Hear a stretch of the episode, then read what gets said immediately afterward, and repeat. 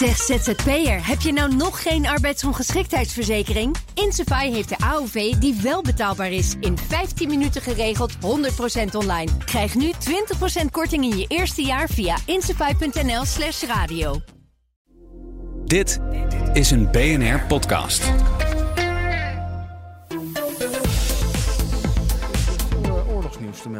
Verhalen over een wapenstilstand, een twee-staat-oplossing die nu toch uh, dichterbij wellicht lijkt te komen. Vrije uittocht voor Hamas-leiders. Het gonst van de geruchten over het verloop van de oorlog tussen Israël en Hamas.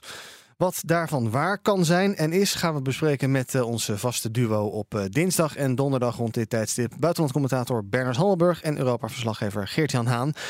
Heren, goedemorgen. Goedemorgen. Goedemorgen. we gaan zo meteen ook praten over Oekraïne, maar we beginnen even in Israël. Uh, allerlei Amerikaanse media die met uh, verschillende verhalen komen deze ochtend en afgelopen nacht. Laten we even kijken wat daarvan uh, klopt en kan kloppen. te beginnen bij Axios, Bernard. Het is een Amerikaanse nieuwssite. Meldt dat Israël voor zou stellen een staakt het vuren van twee maanden, mits Hamas alle gijzelaars vrijlaat. En CNN meldt dat Israël ook voorstelt om Hamas-leiders een vrije uittocht te bieden uit de Gazastrook. Wat maak jij van deze berichten? Nou, ze, ze passen in elk geval bij geruchten die al langer gaan. En dat er achter de schermen voortdurend wordt gewerkt aan wat de Israëlische bevolking het belangrijkste vindt, namelijk die gijzelaars. Dat vinden ze belangrijker dan winnen, want winnen kan toch niet. He, daar komt het een beetje op neer. Um, dus dat sluit aan. Um, mijn, mijn vraag is of uh, uh, Hamas akkoord zou gaan met een wapenstilstand van twee maanden. Uh, dus dat, dat valt allemaal nog te bezien. Maar dat, dat er wordt over over wordt onderhandeld, dat weet ik wel vrijwel zeker. Mm -hmm. um, er is ook de, in, zeggen, er zijn interessante ontwikkelingen op dit punt in Israël zelf. Gisteren is er een soort bestorming geweest van het, parle van het parlement, de ja. Knesset, van, van uh, familieleden van gijzelaars uh, die zeggen, die, die dus eisen dat daar eerst over wordt gepraat en dat de rest op een laag pitje wordt gezet, inclusief die oorlog. Um, en uh, er zijn, uh, dat is ook heel interessant, uh, er is een, een meneer Eisenkat, dus die maakt deel uit van het oorlogskabinet, oud-opperbevelhebber van de krijgsmacht, die zelf de afgelopen weken een zoon heeft verloren in de Gaza-oorlog. Mm -hmm. Ook die keert zich nu tegen zijn eigen premier en uh, ik zal maar zeggen, de rest van dat oorlogskabinet en zegt: We kunnen niet winnen. We, we spelden het volk sprookjes op de mouw. Hmm. Uh, we moeten ons nu helemaal inzetten voor die gijzelaars en zo snel mogelijk komen tot een wapenstilstand. Ja. Dus dat past allemaal bij elkaar. Dus de, het, geloof ik het? Ja, ik geloof het. Ja, want het zijn inderdaad nog uh, geruchten. Het is niet officieel bekendgemaakt. Ook nee. dat voorstel voor het staakt het vuren. Ja, en dan, dan geeft CNN er een draai aan. Die zeggen ja, dat zou dan hè, die uitlevering van uh, de, of de vrije aftocht, zou ik maar zeggen, van de Hamas-leiders, dat zou de positie van Hamas in Gaza verzwakken. Uh -huh. Daar heb ik dan weer mijn twijfels over. Want als die verdwenen zijn, dan heb je zo weer twee anderen of vier anderen die dat doen. Dus dat is een, dat is een beetje een Israëlische gewoonte om te denken dat als je de roverhoofdman te pakken hebt, dat dan uh, het gevaar vermindert. En dat blijkt keer op keer niet waar te zijn. Hm. Geert-Jan, ander verhaal kwam van de Wall Street Journal. Uh, vijf Arabische landen die zouden aan een uh, twee-staten-oplossing werken. Arabische functionarissen zouden dan zeggen dat Saudi-Arabië Israël gaat herkennen, erkennen in ruil voor de oprichting van een Palestijnse staat. En ook de EU is met ideeën gekomen. Josep Borrell was niet zo blij na afloop van een overleg. Nee. Er is ook weer hier veel gaande. Ja, en, ja. en over uh, die uh, ontmoeting met uh, de Europese ministers van Buitenlandse Zaken staat dan weer een vernietigend stuk in de New York Times. Dan hebben we vier Amerikaanse media ja. in een paar minuten tijd er doorheen gejast. Maar goed, die weten ook veel. Onder leiding van Borrell kwamen dus inderdaad EU-ministers samen en afgevaardigden uit Arabische landen. Um, Israël was er ook. Uh, Palestijnse minister van Buitenlandse Zaken was er. Dat waren wel uh, meer bilaterale ontmoetingen. Met het idee dat er dan een, een vooraankondiging voor een aftrap van een vredesconferentie zou kunnen worden gedaan. Hoe zij kaagt het ooit langs de lijnen van de randjes van een akkoord of zo. Ja, precies. Ja. Zo moet je erover denken.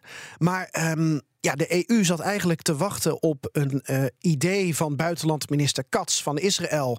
Uh, om uh, ja, uiteindelijk tot een twee-staten-oplossing uh, te komen, of een voorzetje daarvan. Maar het boterde totaal niet, die meeting, omdat Katz dan met een plan kwam om een kunstmatig eilandje op te spuiten. Ik geloof voor de kust van Egypte, hm. waar Gazanen slash Palestijnen in de toekomst dan economische ontwikkeling zouden kunnen, kunnen doen. Dat was niet helemaal waar de EU ja. op had, had gehoopt. Klinkt niet oorlogsbeëindigend. Nee, en ehm, dat geldt ook voor het plan waarin de Wall Street Journal over wordt eh, gesproken. Wat we eigenlijk al weten. Arabische landen werken aan een idee van een twee-staten-oplossing, een Palestijnse staat. We weten dat Israël dat plan dus naast zich neer heeft gelegd. Dat is bij hun terechtgekomen via de Verenigde Staten, geloof ik.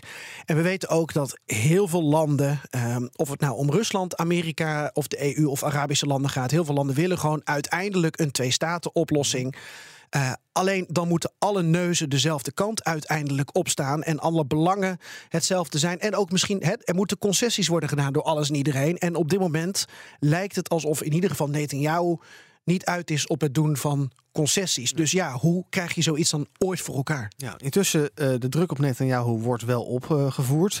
Uh, nou, we spraken net al eventjes. Uh, ook Ralf Dekkers vanochtend gesproken, onze correspondent in Israël. Gisteren sprak ik hem ook. Die zei eigenlijk, ja, Netanyahu heeft een soort van ja, belang bij voortzetting van de oorlog. Want daarna zullen er onderzoeken gaan gebeuren. En dan zal zijn rol ook onder het licht, onder aandacht worden gebracht. En dan is hij misschien wel weg. Er is ook gestemd over een motie van wantrouwen, Bernard. die heeft hij overleefd, Netanyahu. Maar ja, hoe stevig zit hij? hij nog in het zadel? Nou ja, er, heeft, er waren 16 stemmen voor. Er zitten 120 leden in de Knesset, het parlement. Uh, dus die, uh, die, die hele sessie is gewoon geboycott. Dus ja, formeel heeft hij hem gewonnen, maar dat stelt niks voor. En uh, Ralf heeft volkomen gelijk. Er is enorme druk van binnenuit uh, op Netanyahu. Netanyahu is ook eigenlijk de enige met die minister van Buitenlandse Zaken, Katz, die die heeft gestuurd naar die wonderlijke bijeenkomst met de EU. Uh, Netanyahu is zo langzamerhand de enige uh, die zich tegen die twee-staten-oplossing blijft verzetten. Hij, sterker nog, hij zegt: Ik ben 16 jaar lang aan de macht geweest omdat ik dat heb weten tegen te houden. -huh. En ik ga het nu weer tegenhouden zodra deze oorlog voorbij is, zodra deze oorlog door ons is gewonnen, zodra uh, uh, Hamas is vernietigd. En zowel in het buitenland als in het binnenland begint iedereen hem zo langzamerhand een beetje met glazige ogen aan te kijken van man, leef je wel op dezelfde planeet als wij? Ja. We gaan even naar ons eigen continent, Geert-Jan. Uh, Rusland en Oekraïne. Die oorlog uh, speelt uiteraard ook nog steeds. Vrede lijkt ver weg. Ook tussen Rusland en het Westen zijn er ja, nog steeds problemen, uiteraard. Ja, en als je de Poolse premier Donald Tusk mag geloven, dan uh, is het voorlopig tussen Rusland en het Westen ook niet uh, pijs en vree. Tusk die is uh, sinds kort premier in Polen en die bracht een uh, bezoek aan Kiev, aan Zelensky. En hij zei het volgende.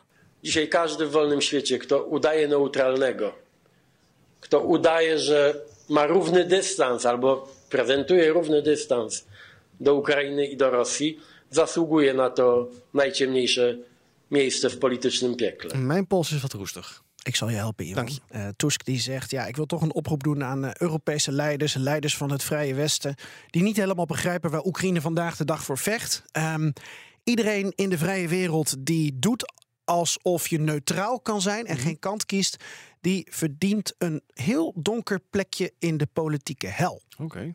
En toen dacht ik, Ivan, ik heb Tusk dit eerder horen zeggen, zo'n referentie naar de hel, uh, in zijn tijd toen hij nog voorzitter was van de Europese Raad. According to, to our Pope, the hell is still empty, you know, and uh, it means that, that, that a lot of spaces. Ja, er is nog ruimte genoeg in de hel, uh, zei Tusk toen. Ook voor Poetin-versteers, die voegt hij er nu aan toe. Maar Tusk kwam oorspronkelijk met de hel op te proppen... omdat hij zei dat er voor de hardcore Brexiteers... een speciaal heet plekje was gereserveerd. Kan wel raden waar. I've been wondering what that special place in hell looks like for those who promoted Brexit without even a sketch of a plan how to carry it hmm. safely. Die man heeft echt een fascinatie met de hel. Ja, ja, ja nou. en, en het is Misschien kijkt hij eruit. Een iets andere toon dan de vorige Poolse regering. Uh -huh. Hij wil zich daar ook tegen afzetten. Uh, ook die Poolse regering onder Morawiecki had wel een, een felle anti-Rusland toon. Maar ook omdat de Poolse bevolking dat eigenlijk wel wilde. Van die PiS-partij.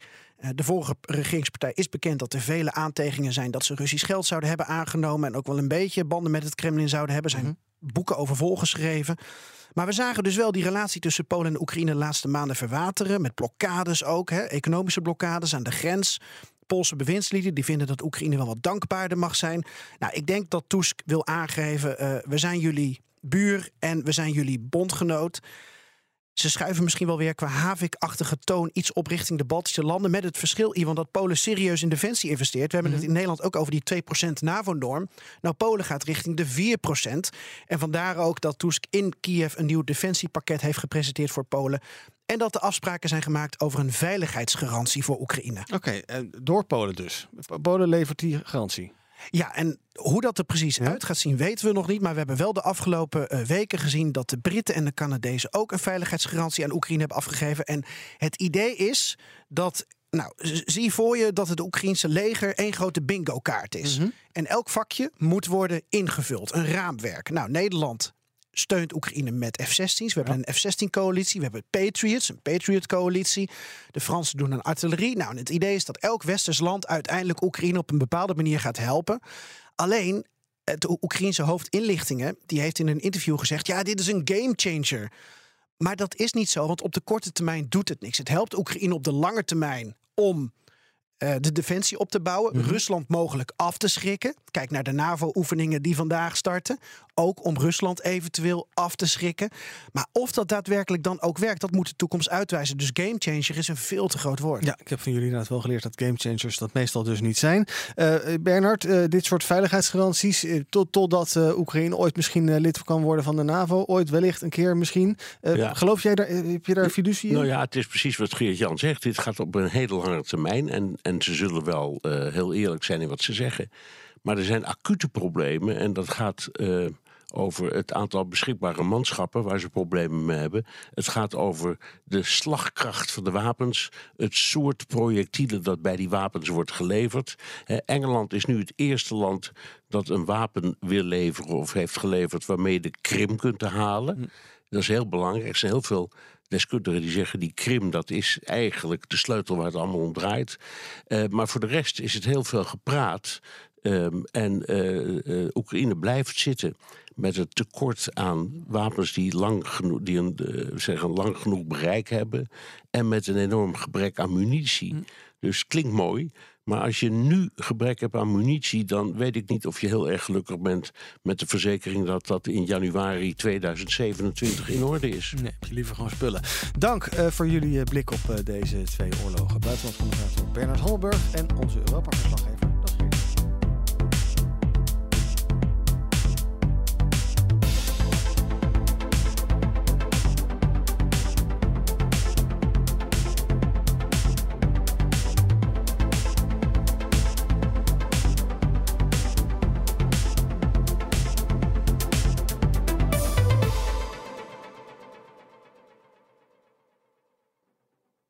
Zeg ZZP'er, heb je nou nog geen arbeidsongeschiktheidsverzekering? Insafai heeft de AOV die wel betaalbaar is. In 15 minuten geregeld, 100% online. Krijg nu 20% korting in je eerste jaar via insafai.nl slash radio.